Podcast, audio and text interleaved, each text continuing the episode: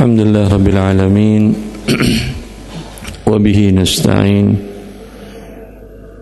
ونصلي ونسلم ونبارك على نبينا محمد وعلى آله وصحبه ومن اهتدى بهديه واستنى بسنته إلى يوم الدين. وبعد. إخواني وأخواتي في الله Jemaah Masjid Manarul Islam Kota Malang dimuliakan oleh Allah Azza wa Jalla. Riba bukan sekedar berat. Tetapi lebih dari sekedar berat. Ketika seseorang bertanya kepada Imam Malik Imam Darul Hijrah rahimahullah taala dia bersumpah kepada istrinya bahwasanya talak jatuh kalau ada di dalam Islam di dalam Al-Qur'an dosa yang lebih besar yang dimasukkan oleh anak Adam ke dalam rongga mulutnya dan perutnya daripada minum khamar. Karena minum khamar banyak ancaman dari Allah dan Rasulnya tentang dosa ini. Lalu setelah dia mengucapkan ucapan tadi, dia datang kepada Imam Malik. Wahai Imam bagaimana? Istri saya jatuh talak atau tidak? Maka Imam Malik rahimahullah mengatakan, datanglah kau besok. Seharian Imam Malik memurajaah hafalan Qur'annya dari surat Al-Fatihah sampai An-Nas. Keesokan hari orang itu datang dan menyanyikan kembali. Bagaimana Imam Malik? Apakah talak jatuh atau tidak? Kata Imam Malik, saya belum menemukannya. Besok kau datang lagi. Sampai di hari yang ketiga, maka Imam Malik mengatakan talak jatuh. Paham? Paham kasus ini? Apa maksud talak jatuh? Tidak paham. Saya ulangi pertanyaannya. Pertanyaannya saja perlu pemahaman.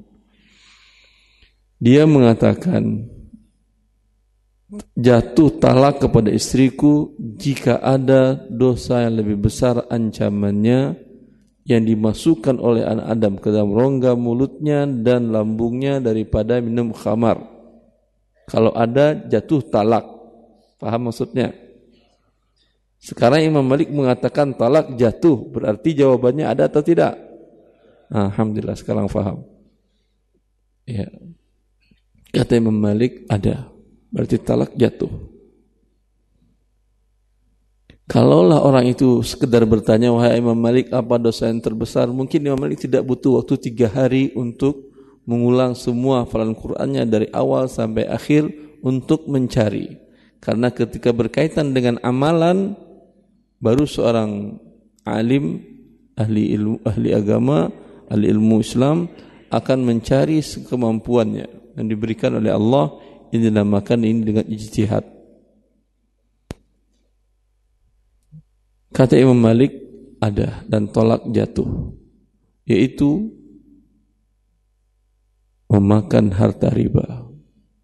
Kata Imam Malik saya tidak saya menemukan di dalam Al-Qur'an dosa yang paling besar yang paling berat ancamannya dari Allah Azza wa Jalla terhadap sesuatu yang dimasukkan oleh anak Adam ke dalam rongga mulutnya adalah dosa riba. Sebagaimana ayat yang dibacakan oleh Imam Jazahullah Khair tadi di dalam rakaat yang pertama surat Al-Baqarah ayat 275 sampai 281. Allah mengatakan alladzina ya'kuluna riba la yaqumuna illa kama yaqumu alladhi yatakhabbathu asyaitanu minal mas. Dzalika bi annahum qalu innamal bay'u mithlur riba. Orang-orang yang makan riba kata Allah nanti di hari kiamat mereka berdiri bagaikan orang yang kemasukan syaitan sempoyongan jalannya.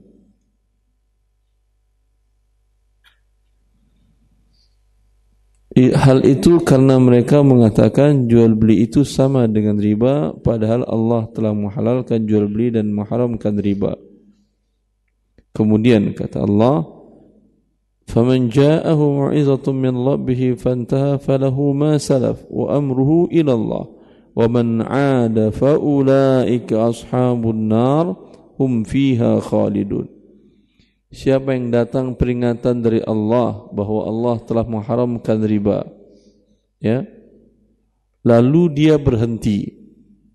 Seorang yang tahu bahwa selama ini dia terjerat dalam riba. Apa yang harus dilakukannya? Fantaha. Kata fa dalam bahasa Arab bermakna tertib ta'qib. Langsung antara dua kalimat, dua perbuatan. Ketika dia tahu langsung berhenti tanpa perlu mencari-cari alasan. Terkadang banyak kaum muslimin saya pernah ditanyakan oleh oleh seorang kaum muslimin yang dia gajinya di lembaga keuangan riba itu lebih dari di atas 20 juta per bulan dia terima. Sekarang dia mau taubat, tahu dia haram. Tapi pensiun masih lima tahun lagi. Dia mengatakan, bolehkah Pak Ustadz saya persiapkan dulu masa depan saya dan anak-anak saya dengan sisa waktu lima tahun ini. Setelah nanti cukup, saya akan resign meninggalkan perbuatan riba ini. Saya jawab, boleh kalau Anda bisa memastikan masih hidup sampai lima tahun. Tapi kalau Anda tidak bisa memastikan Anda masih hidup, anda mati dalam keadaan berbuat riba bukan dalam keadaan bertaubat. Lalu bagaimana Pak Ustaz? Hari ini tahu itu riba, hari ini ajukan resign. Itu yang bertaubat. Karena Allah mengatakan fa fantaha langsung tanpa ada jeda. Kalau Allah mengatakan dengan kata thumma itu iya thumma maknanya tertib tarakhi Bisa ada jeda waktu. Ini tanpa ada jeda. Kalau Anda sudah ajukan resign dan mati setelah mengajukan resign tadi atau pada saat mengajukan resign tadi mati dalam keadaan bertobat.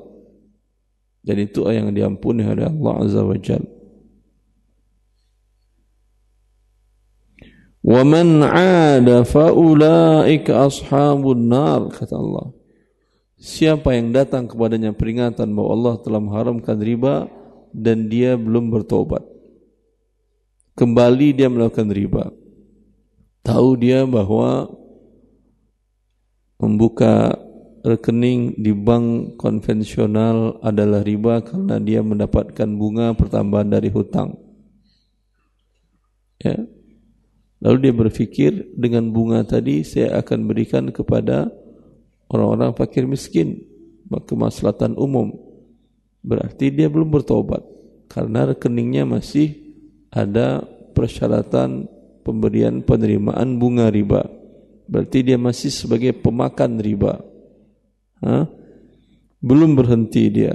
Kembali dia melakukan riba berarti. Kata Allah, mereka adalah penduduk neraka. Hum fiha khalidun. Mereka dalam neraka itu khalidun kekal.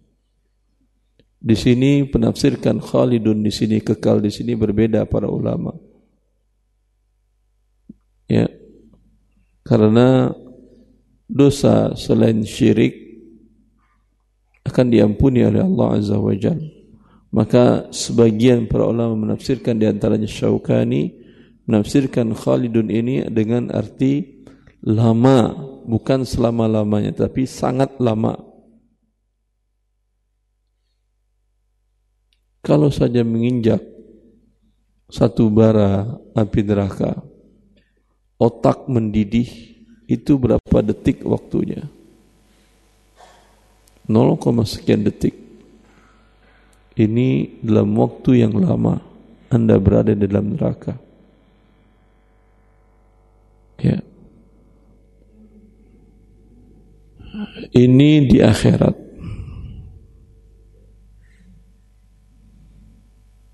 Di dunia yamhaqullahu riba wa yurbis sadaqat. Wallahu la yuhibbu kulla kaffarin athim. Kata Allah Azza wa Jalla. Orang berharap dengan riba itu, riba dalam bahasa Arab artinya bertambah. Orang berharap dengan perbuatan riba bertambah uangnya. Dia tabungkan uangnya di bank konvensional, dia berharap ada pertambahan sekian persen per tahun. Itu yang berharap dia. Dan itu kata riba. Tetapi kenyataannya karena Allah memarahinya dan dan mengancamnya dengan dosa yang berat sebaliknya yang diterima dia kata Allah yamhaqullahu riba. Allah hancurkan riba.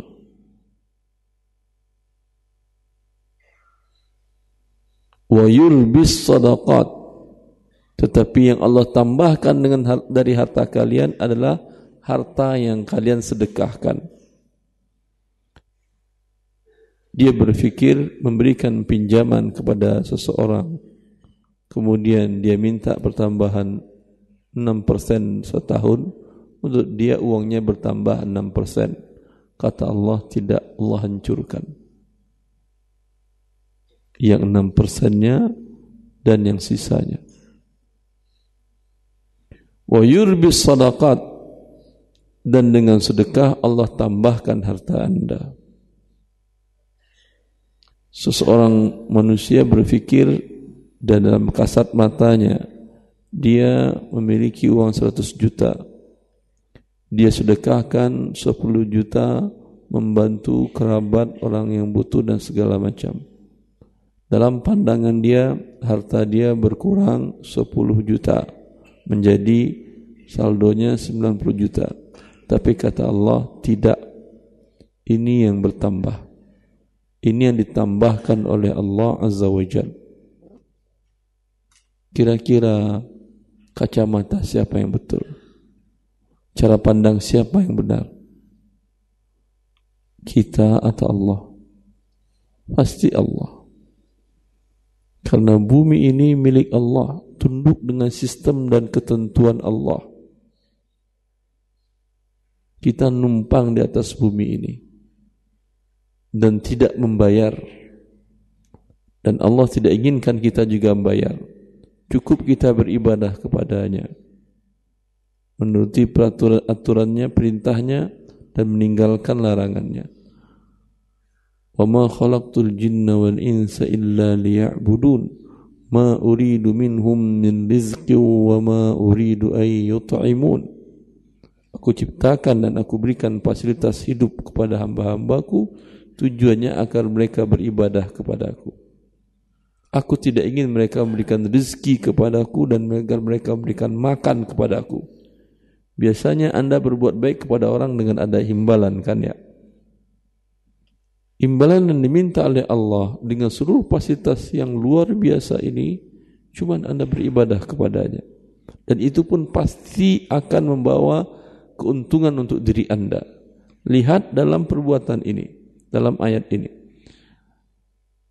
Anda bersedekah membantu orang, ya, harta Anda berlipat ganda akan ditambahkan oleh Allah.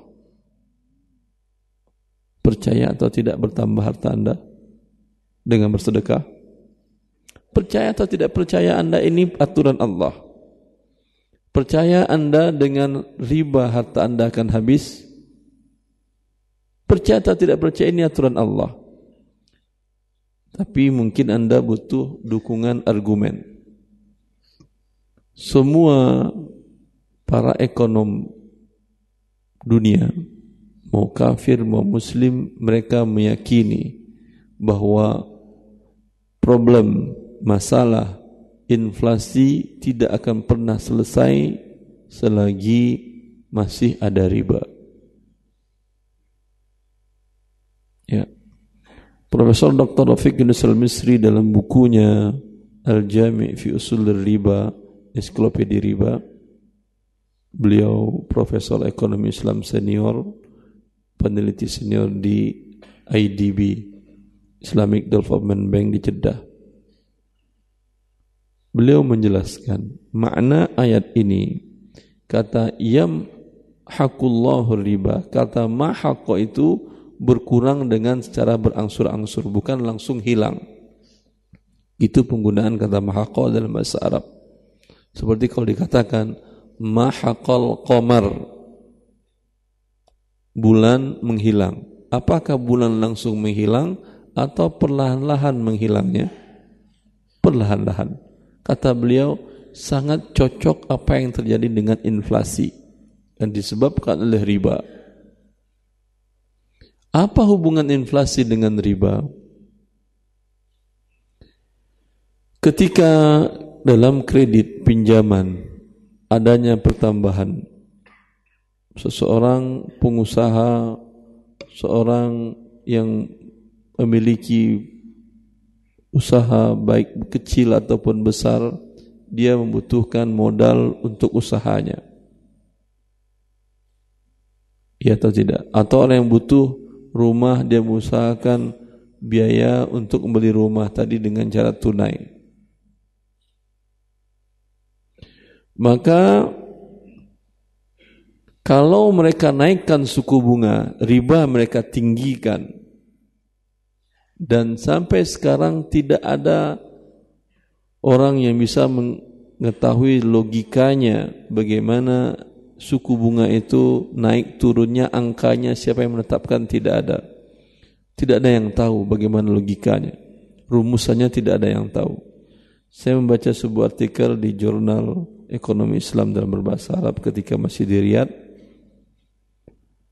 Di sana dikatakan bahwa untuk penentuan libor yaitu suku bunga yang diterbitkan dari London dari Inggris itu setiap hari mereka terbitkan suku bunga sekian persen, suku bunga sekian persen.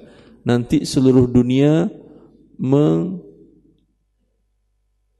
mengakui itu dan mempraktekkan itu dengan ditambah dan dikurangi sedikit atau tergantung kebutuhan negara tadi. Tapi ini acuan internasional untuk bunga riba. Yang saya baca dari dari situ bahwasanya penentuan suku bunga ini hanya sekelompok orang yang berada di sebuah pulau di Inggris, mereka setiap hari menentukan kemudian menerbitkan libor. Artinya tidak ada hubungan logikanya. Ya. Kalau mereka naikkan suku bunga, apa hubungannya dengan inflasi? Kalau mereka naikkan suku bunga, otomatis harga barang dan jasa pasti naik. Iya atau tidak? Karena para pengusaha tadi kan untuk memproduksi barang dan jasa itu menggunakan pinjaman kredit bank riba dengan suku dengan riba. Mereka akan tidak mau membayar bunga riba tadi dengan uang uang nenek moyang mereka yang jadi payah mereka. Setiap produk mereka akan mereka tambahkan di sana selain biaya produksi, laba mereka, apa yang mereka tambahkan? Bunga yang harus mereka bayar. Ya atau tidak? Ini logika seperti ini. Maka ketika harga suku bunga naik, otomatis harga barang akan pasti naik. Ketika harga barang naik, apa yang terjadi dengan mata uang? Turun daya belinya, terjadi inflasi. Jelas? Sebaliknya, kalau suku bunga mereka turunin, umpamanya per tahun 7% mereka turunkan jadi 3% atau 2%. Suku bunga kredit pinjaman. Apa yang terjadi? Suku bunga kecil, apa yang terjadi? Orang akan semuanya minjam atau tidak? Semua orang bermaju berlomba-lomba mengajukan pinjaman. Dan lembaga keuangan tadi, karena mereka tamak akan bunga tadi, mereka pasti akan memberikan pinjaman berapapun yang diinginkan oleh orang. Memang uang dicetak terbatas ya untuk mengatur inflasi tadi. Tetapi bank-bank tadi dibenarkan membuat uang giral dalam bentuk surat berharga. Dengan demikian akan bertambah jumlah uang yang beredar dari yang ada. Tidak diikuti dengan pertambahan barang dan jasa. Dengan demikian apa yang terjadi? Uang lebih banyak daripada barang dan jasa. Turun atau tidak daya beli uang? Turun karena dia lebih banyak jumlahnya. Sekarang riba mau dinaikkan suku bunga ribanya mau diturunkan tetap akan terjadi inflasi dan inflasi kejahatan kemanusiaan. Kalau uang Anda dirampok atau dimaling, maling bisa menggondol uang seluruh penduduk kota Malang? Bisa? Tidak bisa. Tapi kalau inflasi bisa menggondol uang seluruh orang yang pegang rupiah. Bukan orang kota Malang saja. Mau di Malang dia tinggal, mau di Eropa dia tinggal, selagi dia pegang rupiah, akan digondolnya. Karena berkurang daya belinya. Memang nominalnya tetap di berangkasnya tidak berkurang, tidak ada yang maling. Tetapi ketika dia keluar belanja, harga barang naik. Berarti daya beli uangnya kurang. Bagi kaum muslimin yang hidup dalam kurun waktu lebih 50 tahun, sangat terasa ini. Yang sebelum krisis moneter besar-besaran Indonesia pada tahun 97-98 satu dolar itu cuma 2.500 iya atau tidak? Kendaraan, rumah dan segala macam tidak terlalu mahal. Sekarang berapa? Satu dolar? 14 ribu. Ini kejahatan kemanusiaan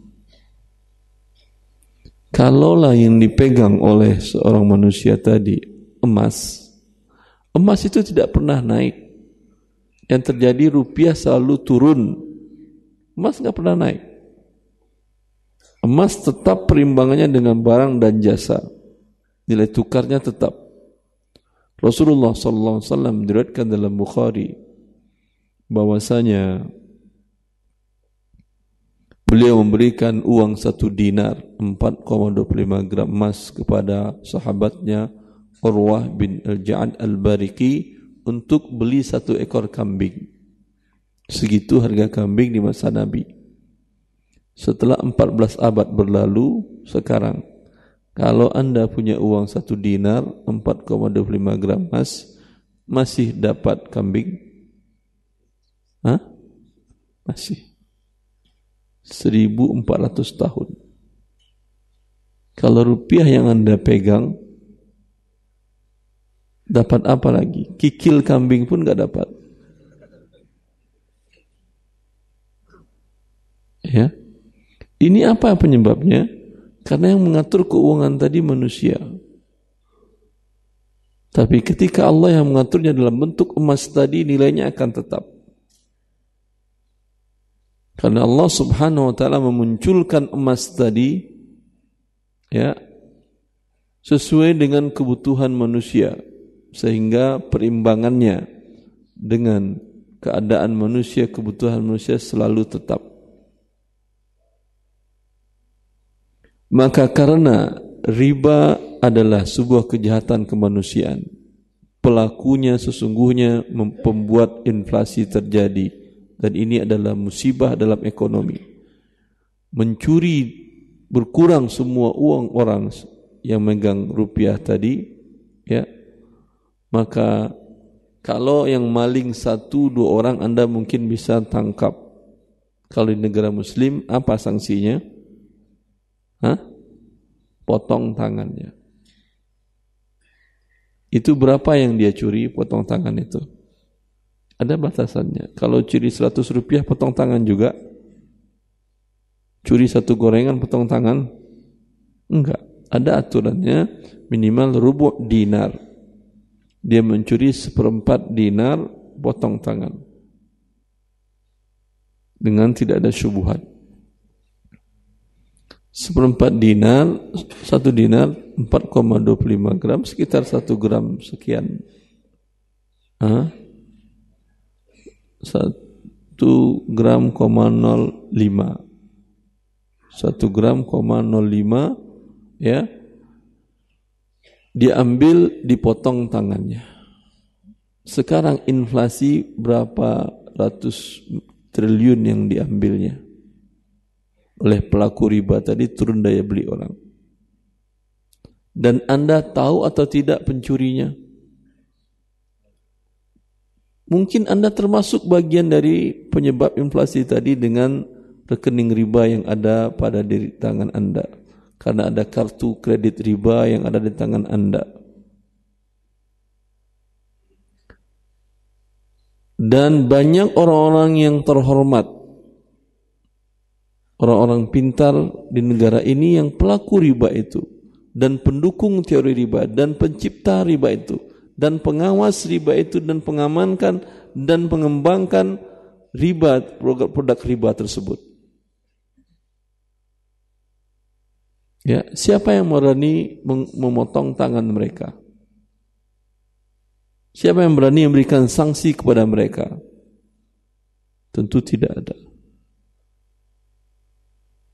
Kepala negara yang melakukan menandatangani akad pinjaman riba ke bank, bank riba sedunia, World Bank, ya, dia adalah pelaku riba terbesar. Dia penyebab inflasi. Siapa yang berani melawan dia? Oleh karena itu Allah yang akan hanya berani melawan mereka Allah mengatakan di surah Al-Baqarah tadi di ayat 279 Fa ya ayyuhalladzina amanu taqullaha wa dharu ma baqiya minar riba in kuntum mu'minin wahai orang-orang beriman takutlah kepada Allah dan tinggalkan riba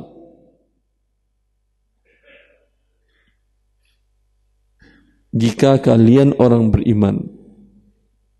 Kalau masih belum meninggalkan riba, dikhawatirkan iman kita juga akan pergi. Jika kalian tidak berhenti melakukan riba, kata Allah, fa'zanu biharbin minallahi wa rasulih. Berarti kalian mengumumkan perang melawan Allah dan Rasulnya. Karena kita tadi tidak berani memerangi para orang-orang terhormat tersebut dan jumlahnya banyak jutaan orang-orang yang melakukan perbuatan riba tadi. Tidak ada yang berani mengusik mereka. Tapi Allah yang akan memerangi mereka.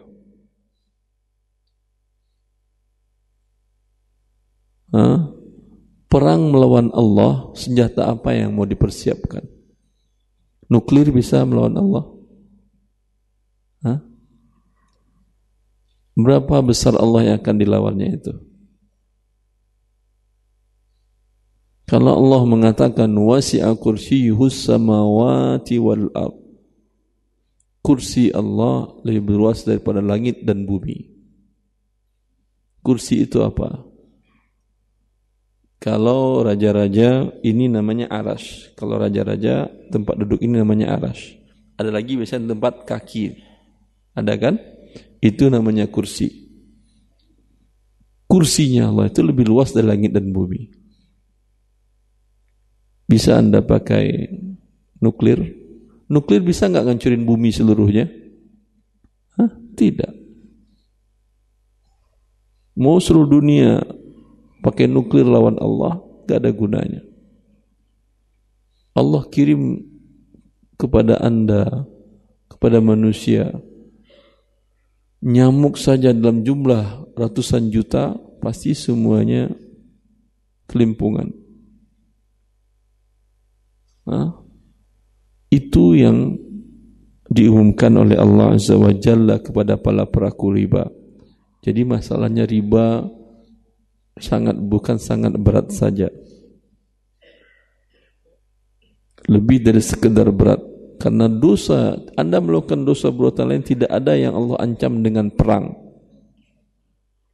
Tapi dosa yang ini Allah ancam dengan perang. Kenapa? karena kejahatan yang dilakukannya bukan menyebabkan kepada satu dua orang. Orang berzina bukan mengelecehkan dosa-dosa besar yang lain. Orang berzina yang mendapatkan mudarat mungkin satu, dua, tiga, lima orang. Kecuali kalau Allah menurunkan azab ke kampung tadi, mungkin cuma satu kampung yang hancur. Orang mencuri mungkin sekitar orang tidak hitungan lebih dari hitungan jari yang termudaratkan. Tapi orang berbuat riba, seluruh orang yang megang mata uang tadi terkena musibahnya. Maka Allah lah yang cukup Allah yang menawan mereka dan memerangi mereka yang Allah tersebut ya sangat besar. Kalau saja Allah mengatakan dalam Al-Quran tentang kursinya lebih besar daripada langit dan bumi dan arasnya perimbangan kursi dengan aras bagaikan satu lingkaran rantai yang dilemparkan di padang pasir yang luas. Itu perimbangan antara kursi dengan aras. Perimbangan langit dan bumi dengan kursi lebih kecil lagi dari itu. Ya, Allah mengatakan wa ma qadarullah haqqa qadrih wal ardu jami'an qabdatuhu yawmal qiyamah was samawat matwiyatun bi yaminih subhanahu wa ta'ala amma yushrikun kata Allah azza wa jal orang-orang yang berbuat syirik kepada Allah orang-orang yang mendurhakai Allah mereka sangat tidak mengerti tidak menghargai Allah tidak menghormati Allah. Tidak tahu dia. Dia anggap Allah itu angin lalu saja, kecil dan gampang. Allah menjelaskan, Yaumal qiyamah, di hari kiamat, wal ardu jami'an, bumi seluruhnya dalam qabdah, dalam bahasa Arab qabdah ini. Kalau dikatakan bumi seluruhnya dalam qabdah, andai ini bumi kalau dikatakan dalam qabdah berarti begini. Oleh karena itu, bumi itu kan bulat. Iya atau tidak? Kalau dikatakan Allah fis sama Allah dalam hadis tentang Allah itu ada di langit dan ditunjuk ke langit, bumi kan bulat. Kalau yang di sini ia nunjuk ke atas ke atas. Kalau di sini kan ke bawah, kan begitu cara pandang Anda kan ya. Dan di sini ke samping. Itu kalau Allah kecil. Tetapi kalau dalam qabdah Anda mau menunjuk ke mana pun menunjuk ke Allah atau tidak? Qabdatuhu yawmal qiyamah was samawat langit seluruhnya matwiyatun biyaminih dilipat oleh Allah. Yamin dalam bahasa Arab apa? Ini tangan kanan. Tangan kanan yamin. Matwiyatun biyaminih dilipat dalam tangan kanan.